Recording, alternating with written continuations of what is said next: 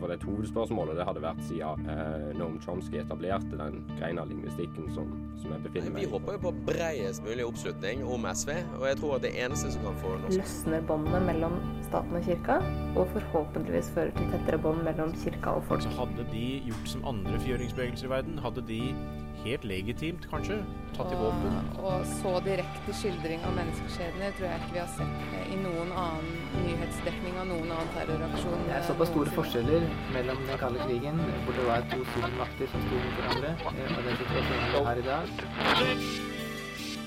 Du hører på samfunns- og aktualitetsmagasinet Opplysningen 99,3 på Radio Nova. Opplysningen 99,3 på Radio Nova. Er du av typen som liker å smake på alt? Ikke? Denne ukens opplysning byr på morkake i jakten etter å forstå hvorfor nybakte mødre velger å spise organet. Smarttelefonen som weapons of mass distraction. Ståle Vik kommer i studio for å snakke om mobil og de stadige forstyrrelsene det kan by på i en studenthverdag. Og burde gratis tannhelse bli en del av vår universelle velferd? Det spør vi opplysningen i det det er duket for debatt mellom AUF og Unge Høyre. Hei, hei, og vel møtt til denne ukens sending av denne radiokanalens opplysningsprogram Opplysningen. Mitt navn er Are, og ved min side så har jeg ingen ringere enn Vebjørn og Sara. Dere er helt ferske, så Sara, hva sa du da vi headhunta deg på Blindern? Hva dere sa om meg? Nei, hva sa du da vi spurte deg om du ville bli med Opplysningen? Oh. Eh, det er jo en liten drøm, da, å være med i radio. Exactly. Så eh, det ble fort et ja. Et rungende ja. Et rungende ja. Hva med deg, Vebjørn, da vi headhuntet deg fra Radio Revolt? Uh, nei, det var nesten en like romantisk historie som, eh, som med Sara. Det var et, det var et ja. Herlig. Mm. Det er utrolig gøy å ha dere med i opplysningen. Vi ser frem til å høre mye mer fra dere utover dette semesteret. Vebjørn, du er på vei ut for å få tak i noen gjester. Men vi ser deg litt senere. Yes, vi snakkes. Yes, Sara, du blir, gjør du ikke det? Det blir jeg. Flott. Hvis jeg kunne regne med det det er jo klart for de fleste at noe, noe er galt med verdensøkonomien. Alvorlig galt. First thing I, I went into prison, a young man, and I got out of it a very old man. Du hører på Opplysningen 99,3 på Radio Nova. Sara, bruker du mobilen når du leser på skolen? Jeg gjør nok det. Hva bruker du den til? Nei, ofte så hører jeg på musikk, fordi jeg sliter veldig med å høre på andre folk på biblioteket når jeg leser. Nå har jeg mobilen rett foran meg! så ja. Den er nær meg hele tiden. Grunnen til at jeg spør, er fordi vi har fått med oss en mann i studio her som er kommet for å snakke om hvordan vi kan bedre våre studiemetoder, bl.a. ved å la mobilen ligge når vi er og leser og i en skolesetting. Mm. Ståle Wiig, du er doktorstipendiat innenfor sosialantropologi og mener å ha erfart og sett kritikkverdige aspekter ved mobil innstudiesetting. Stemmer ikke det? Jo, det gjør det. Og eh, det jeg ble så slått av, var at eh, jeg begynte å lese om hvor mange ganger vi sjekker mobilen og tar den opp fra lomma. Jeg kjenner jo til dette selv også. Uh, og det er gjort studier i England og USA som viser at det er mellom 150 til to, over to, godt over 200 ganger i løpet av en dag hvor vi tar denne telefonen opp, åpner den, og, og, og, og noen ganger så blir vi jo dratt inn i et sånt sort hull hvor vi ender opp med å sitte og lese om Therese Johaug eller uh, ting som vi egentlig eh, ikke hadde planer om å gjøre. Så spørsmålet mitt er liksom, hvorfor uh, har vi fått avhengigheten til telefonen, og hva kan vi gjøre med det problemet? Mm. Du kaller det for uh, 'weapons of mass distraction' uh, i det du beskriver Blindern som en skattkiste. Stemmer ikke det? Jo, jeg, jeg, jeg, har vært her på Blindern i ganske mange år nå. Jeg, jeg blir mer og mer romantisk, nesten. Uh, når jeg tenker på hva det er dette universitetet og andre institusjoner som det kan tilby. Mm. Men jeg tror eh, sosiale medier har mange positive aspekter, men, eh, og, og, også teknologi som er på mobil. Men jeg tror, eh, og det viser seg, at det står i veien for å få ut det potensialet som finnes i, studie, i studiene og i forskninga. Og Hva tenker du på da? Hva tenker du på når du sier en skattkiste?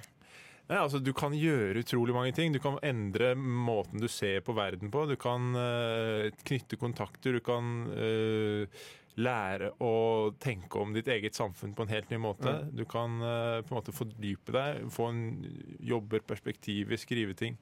Så det er utrolig mye man kan gjøre, men uh, isteden så er det veldig ofte at man blir sittende og like kattevideoer og på en måte være i den her, blir en sånn due da, som ikke klarer å holde oppmerksomheten på noen ting. Mm. Mens i, og, og på en måte får en sånn eh, automatisk refleks at vi skal ta på telefonen hele tida. Eh, og det er det siste vi tar på før vi uh, sover, første vi tar på når vi står opp. Uh, så, så det er noe eh, litt sånn merkelig og eksotisk nesten ved hvordan vi har, det har blitt, da, tenker jeg. Jeg hørte jo deg prate om, om det her på et foredrag, eller et lite foredrag. Um, og så sa du jo noe om oppmerksomheten vår, at, eh, og du sier jo nå om duer. eh, At oppmerksomhetsspannet vårt da forsvinner veldig. Hva tenker du om det? Sånn at, eh, ja. Nei, det er også noe av det som Nå har jeg begynt å forske på disse tingene, da. Og eh, en av de tingene man finner ut, er at eh, vi er i ferd med å ødelegge evnen vår eh, permanent kognitivt i hjernen til å konsentrere oss over lengre tid. Så du sammenligner dagens studenter med tidligere studenter, og også egentlig folk generelt. Så er vi eh, har fått et mye kortere eh, span da, på eh, hvor lenge vi klarer å holde oppmerksomheten. Så det er ikke bare Donald Trump på en måte som er den ekstreme, rare skru skrullingen, men, men det er også et uttrykk for at vi, vi som samfunn og som folk flest eh, ikke klarer å konsentrere oss dypt og jobbe dypt uten distraksjoner på samme måte som før. Og det, det ser du på som en følge av bruken av smarttelefoner? Ja, det tror jeg. Ja. Eh, har du da noen tips som kan gjøre at vi bruker mobilen i mindre grad? Ja, eh, det er mange ting man kan gjøre. Det er, eh, hovedgreia er å prøve å få et mye mer rasjonelt forhold til hva det er vi ønsker av teknologien, og hvordan vi bruker tida vår.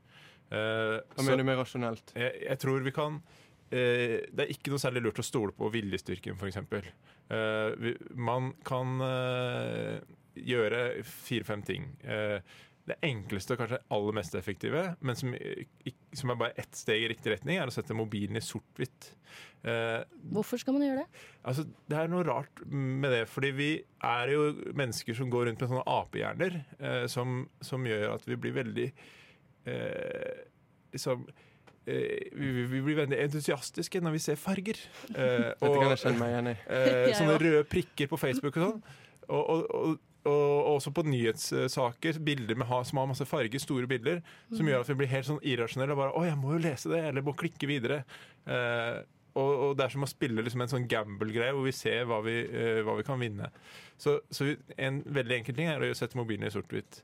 Men eh, mange andre ting man kan gjøre. Jobbe uten internett. Skru av ruteren når man skriver. Eh, kjøpe seg en eh, dum telefon eh, og kjøpe to SIM-kort. Gå på universitetet med en eh, uten smarttelefon. Slette alle apper som har med sosiale medier på telefonen å gjøre. Skru av alle push-varsler. For godt. Prøv, i hvert fall i 30 dager, så ser du om du når, du, når den tiden er gått, om, om du savner noe. Og jeg kan love deg at du sannsynligvis ikke kommer til å gjøre det. Men det her med svart-hvitt, det er veldig interessant. Fordi jeg har tenkt på det her når jeg sitter og leser på biblioteket, så har jeg en tendens til å bli veldig trøtt. Og det er jo når jeg begynner å tenke på telefonen min, da. um, så har jeg før hatt en tendens til å se på sidene, være trøtt, og så gå på mobilen, og så bli våken. Og nå er mobilen min, for jeg har satt mobilen min i svart-hvitt, som Ståle foreslo. uh, nå er mobilen min og boka Kanskje boka litt mer interessant enn før, da. Ja. Så det funker faktisk. Og jeg har bare Skattkista. gjort, ja, skattkista. Jeg har bare gjort det i en uke. Men det er helt drastiske endringer som kommer, da. Jeg er fortsatt litt skeptisk her, for hvis jeg skulle slette alt med mobilen og egentlig bare forlatt den helt, hvordan skulle jeg da fått muligheten til å f.eks. planlegge eller takke ja til en kaffe som jeg blir henvendt til på sosiale medier f.eks.? Eller, Eller arrangementer. ja, jobben min har jo også mye kommunikasjon der. Jo da. eh, og jeg, jeg tror uh, det er mange som har fortsatt god nytte av bruk for sosiale medier som Facebook.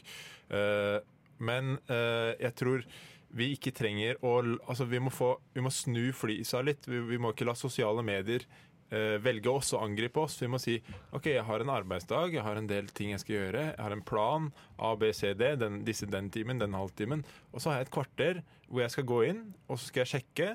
Og så skal jeg svare på en del ting, og så skal jeg gå ut igjen. Eh, og da har man på en måte fått et mye mer sånn aktivt forhold til teknologien. Hvor man istedenfor å bli bombardert da, med masse signaler og stimuli hele tida, uh, prøver å gjenvinne litt av kontrollen og si hva, hva skal jeg bruke dette, den teknologien til? Hva skal jeg bruke dette sosiale mediet til?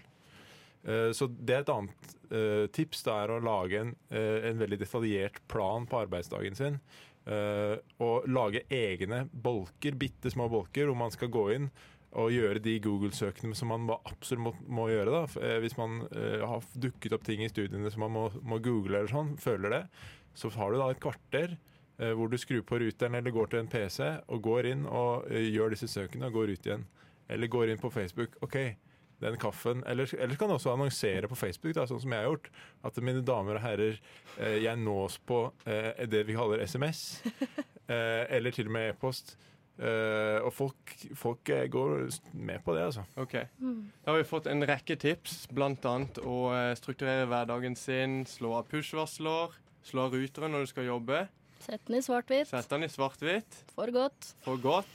Ikke la deg knekke av disse avhengighetsskapende fargene og blinkinga. Kan jeg komme med et tips Ja. til alle iPhone-brukere? Fordi det er mange som sier sånn Jeg kunne aldri putta den i svart-hvitt. Det er sånn for alltid, liksom. Jeg trenger farger, eller jeg liker bildene, bla, bla. Jeg har gjort det til en snarvei, så når jeg triple-tapper på hjemskjermen, så kan jeg sette den i farger i det øyeblikket jeg trenger det, og så er den tilbake i svart-hvitt. Og det føles jo helt utrolig når du får den i farger. Er sånn, hvor, hvilket, hvilke, dop er det jeg har tatt nå? Helt enig. Det er faktisk akkurat sånn jeg har sett på det. Vi må sette strek der, men takk for en svært informativ samtale og noen gode tips og råd. Ståle Wiig. Sara, hvordan føles det nå endelig være, ha vært på lufta for opplysningen? Det er veldig gøy. Jeg Ja. føler meg mye mer komfortabel enn jeg trodde. Jeg, jeg skalv litt i begynnelsen, for å være ærlig. Men Ja. nå, er det, nå er det good. Herlig. Vi takker i hvert fall for følget nå. Og så kommer lytterne til å få høre mye mer fra Sara utover semesteret.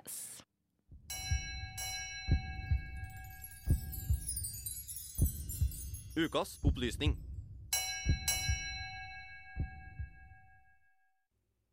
Har du fødselsdepresjon, B12, jern- eller brystmelkmangel? Eller kanskje lever du bare av å få oppmerksomhet? Da kan det å spise morkaker kanskje være en greie for deg. Kanskje.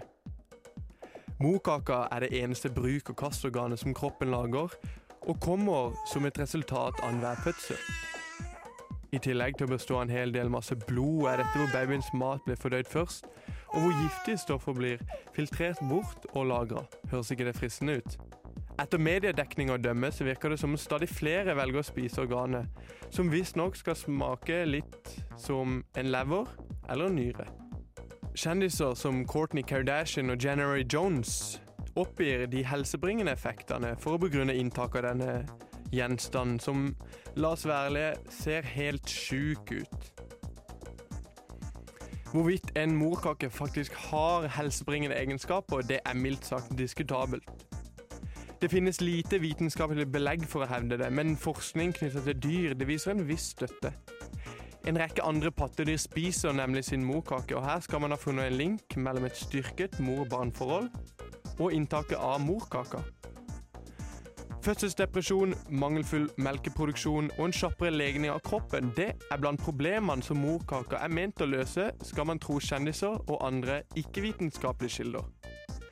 I mangel på forskning så kan man ikke avvise disse påstandene, men enkelte fagfolk advarer likevel mot inntaket, og appellerer da til fornuften.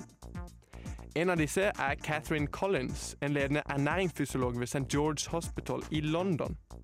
Hun sier til Huffington Post at bortsett fra jern, som lett kan finnes i andre matvarer eller kosttilskudd, så vil morkaka inneholde toksiner og helseskadelige stoffer som den har forhindra at barnet fikk i seg som foster.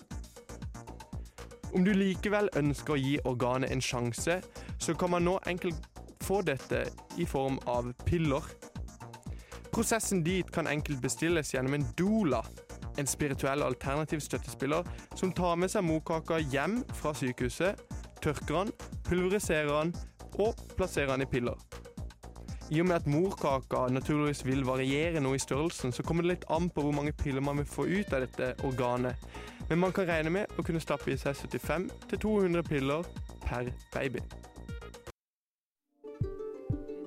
i stedet for å bli bare en nyere versjon av Kyoto, så vil det kanskje være det man kaller for en balansert pakke. Men eh, vi vet at eh, før eller senere, for det er såpass mange av disse legemene, så er det en med adresse jorden. Og når det skjer, så bør vi være forberedt. The phrase they always use is 改变命运, which means change your fate. You know, and they say, I don't want to be a farmer like my parents. Jeg tror jo at uh, internasjonale militære nærværet i de 8,5 årene de har i Afghanistan, faktisk har bidratt først og fremst til den situasjonen der. Opplysningen 99,3 på Radio Nova. Sara er gått ut av studio, men inn så er Vebjørn tilbake, og med seg så har han to gjester. Det må da bety debatt. Hvem har du med deg, Vebjørn? Jeg har, med meg, jeg har fått med meg Stian Michaelsen, som er leder i Arbeiderpartiets studentlag i Oslo. Velkommen. Takk. Og så har jeg fått med meg eh, leder av Oslo Unge Høyre, Andreas Flydal. Velkommen. Tusen takk. Eh, Og grunnen til at jeg har kalt dere inn på teppet her i dag, eh, det er at jeg har gått litt og lurt på eh, hvorfor det er sånn at hvis man har vondt i en tå, så kan du gå til eh, fastlegen, og så kan du betale en ganske liten egenandel. Eh, Og så kan du få fiksa den tåen, for å si det sånn. Men hvis man har vondt i en tann, eh, så kan det fort koste ganske mye. Eh, Og det er på en måte to litt ulike ordninger som, ja, som man må henvende seg til to ulike steder for å få gjort noe med. da. Mm. og da lurer jeg på, Stian, hvorfor, hvorfor er det egentlig sånn at det er et sånt skille mellom tannhelse og vanlig folkehelse ellers? Vel, historisk sett så, så har det rett og slett vært et spørsmål om, om penger. Mm. at man, man tok det ut av folkehelsen eh, for å kunne fokusere midler på, på andre steder. Eh, Men de siste 20-30 årene så har jo det vært skal vi si, eh, stadig eh, innført igjen. da. Eh, At man har fått mer dekning og sånn. Så man har jo akkurat gått opp eksempel fra at alle 16-åring til 18 eh, er dekket. eh, Og mer rabatterte ordninger over. Og man dekker jo for pensjonister, uføre eh, og andre da, med ulike typer lidelser, som da går under, eh, under felles og, og folketrygd. Ja, riktig. Men hvis du, eh, hvis du kunne eh, gjort hva du ville med denne ordningen, er det noe du ville ja, satt fingeren på? Nei, altså vi går jo eh, til valg nå på å utvide alt. Ja. Eh, få stadig flere eh, behandlinger dekket inn Mm. eh, under folkehelsen. Ja. Så, så det står allerede i programmet vårt nå. Vi ønsker jo å, utvide og forsterke det her når vi ser at vi, vi har både penger og skal vi si eh, gode nok teknikker nå, da. Så det er ikke like dyrt som det en gang har vært i prosenter. Fortell litt om hvor mye dere ønsker å utvide ordningene. Vel, eh, i første omgang eh, så er det en utvidelse til grupper som tjener under et visst da, prosent av, av gjennomsnittslønna. Vi går først på de som tjener under 200 000. eh, og så skal vi øke da, dette innslagspunktet. De vil få det dekket med vanlig løsning som i resten av, av helsevesenet. Eh, og det samme så ser vi også på eh, de som eventuelt faller utenfor arbeidsliv i ikke ennå pensjonsalder, eh, men som f.eks. førtidspensjonerer seg av ulike grunner, eh, eller som blir uføretrygdet etter jeg tror det er 55 vi har sett på. Eh, Men nå er vi jo i god Arbeiderpartistil, så skal jo dette redegjøres for først. da. En liten eh, offentlig utredning. Kanskje klokt. Mm. Eh, Andreas eh, Flydal, du er jo kanskje av litt annen oppfatning. Hva er det dere tenker må, med dette her? Eller hvordan ville dere, hvis dere kunne fått valgt fra øverste hylle, rett og slett? Hvis man kunne valgt fra øverste hylle, så ville man jo hatt uendelig mye penger og kunne sponset alt av dette. Men uh, som eh, Stian er inne på, så er jo dette et, eh, altså, For det første er det et spørsmål om uh, penger. At man ikke kan betale for alt man gjerne skulle betalt for. Men en annen ting er jo at eh, tannbehandling ofte går på en måte i skillelinje mellom hva som er kosmetisk og hva som er medisinsk nødvendig.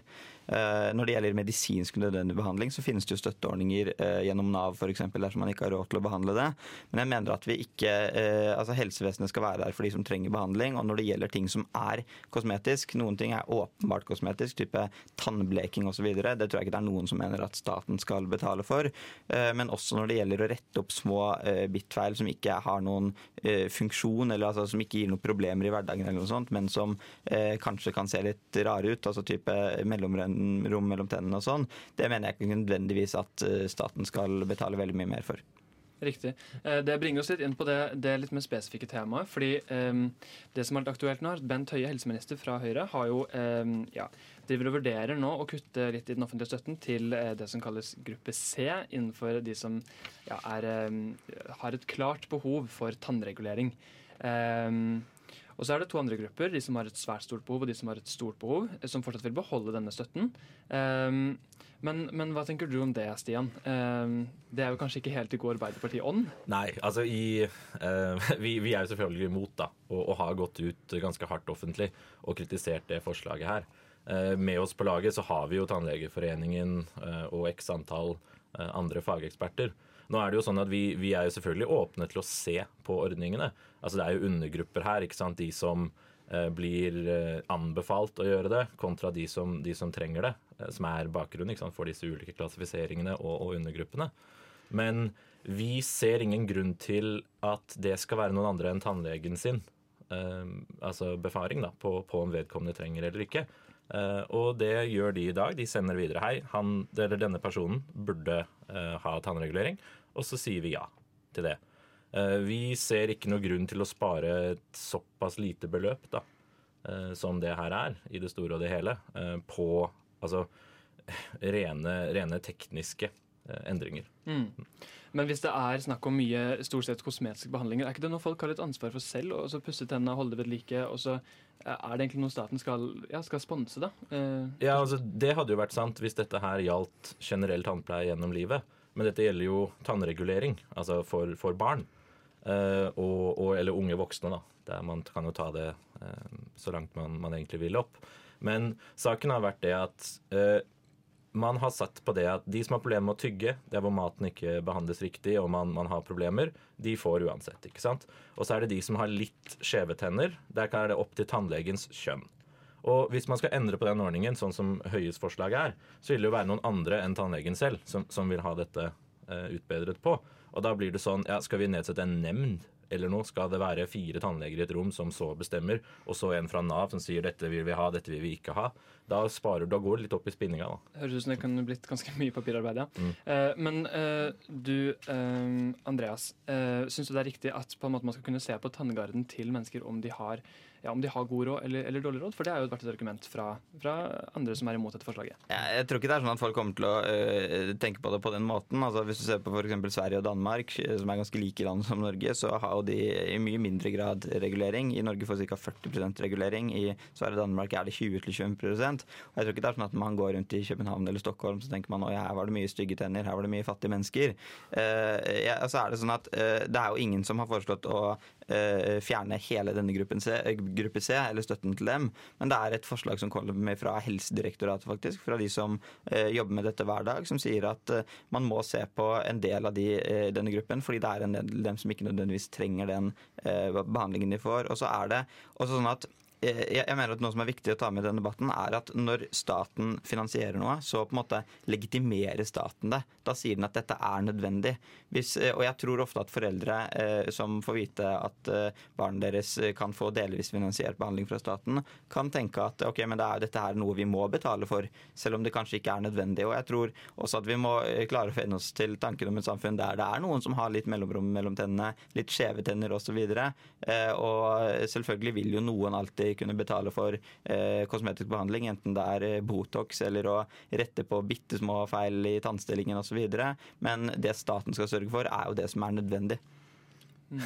Stian? Ja, altså, eh, For det første, det, det å skulle sammenligne oss med, med Norge og Sverige osv., det, det er jo én ting. Men jeg syns det også kan være opp til oss å sørge for at vi er best i klassen på den type greier. Det er ikke slik at bare fordi de andre i gjennomsnitt dekker 25% så kan ikke vi dekke 35 i tillegg så definerer vi disse tannlegestillingene på en annen måte. De dekker f.eks. Eh, hele klasse B, der vi kun dekker et visst prosent, f.eks. Uh, videre så er det det at du, du snakker om disse uh, endringene som om dette var noe vi skulle utvide ordninger på. Men det er det jo ikke snakk om. Her er det snakk om å kutte en støtte som allerede har eksistert. En som har vært i hva er det, 30-35 år. Og det at vi skal bli vant til det perfekte samfunnet altså Eh, for det første, eh, det er jo i seg selv litt spesielt når det er noe så viktig som tenner. Vi har dem hele livet. ikke sant? Du mister melketennene dine, og det du får etter det, det er du stuck med.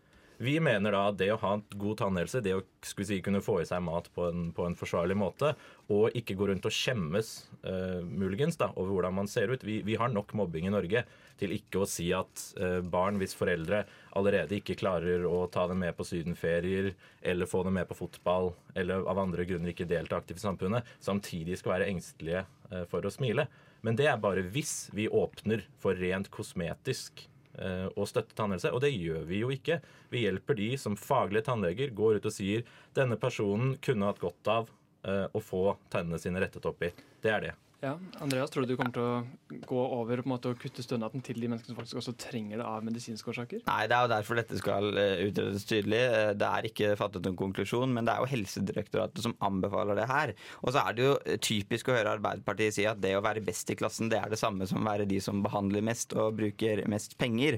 Eh, Og når man snakker om personer som sliter med tannhelsen, sliter med å få i seg mat, eh, skjemmes osv., så, videre, så er det jo klart at det er ikke personer som vil miste støtten. Det er derfor vi har gruppe A og gruppe B.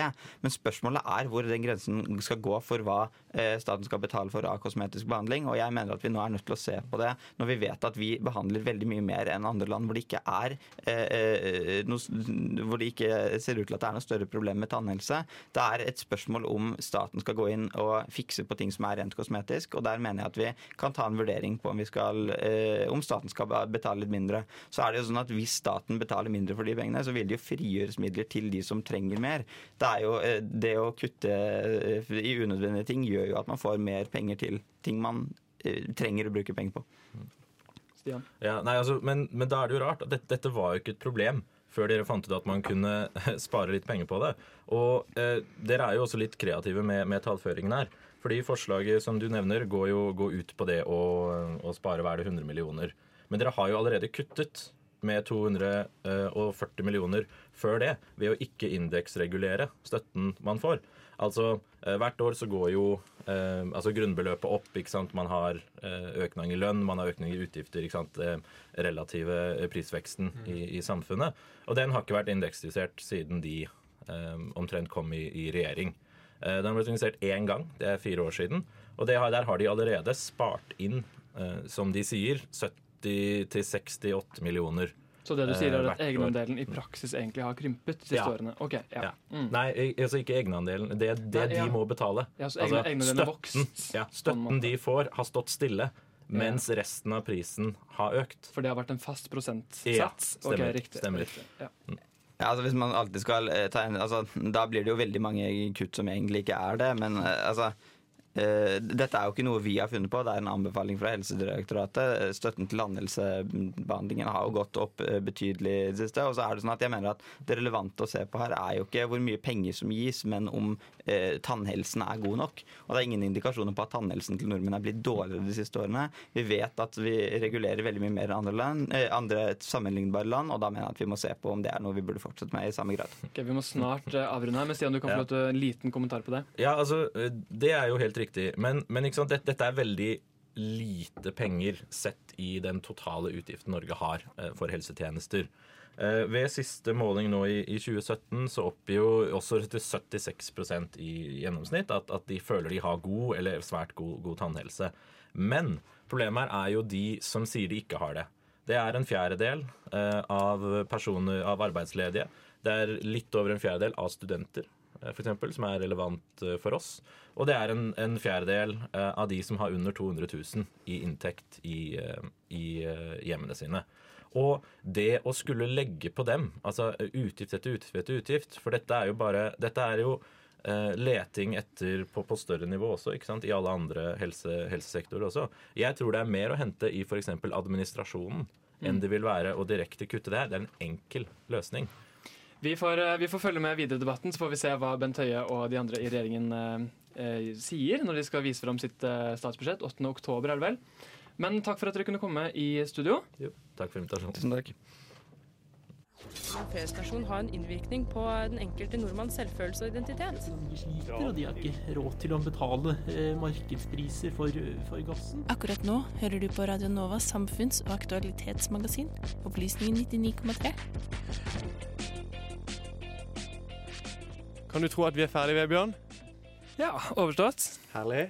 Bidragsytere for denne uka var vår eminente tekniske tekniker Annika Bogen, redaksjonsleder Anna Poppe, Sara Benmalek. I studio var meg, Mr. Are Ørnevik og Vebjørn Negård. Neste uke så er opplysningen tilbake sterkere enn noen gang. Om du ønsker å vurdere oss opp mot andre episoder, så kan du laste oss ned på podkast i iTunes, Soundcloud i mellomtiden. Vi høres.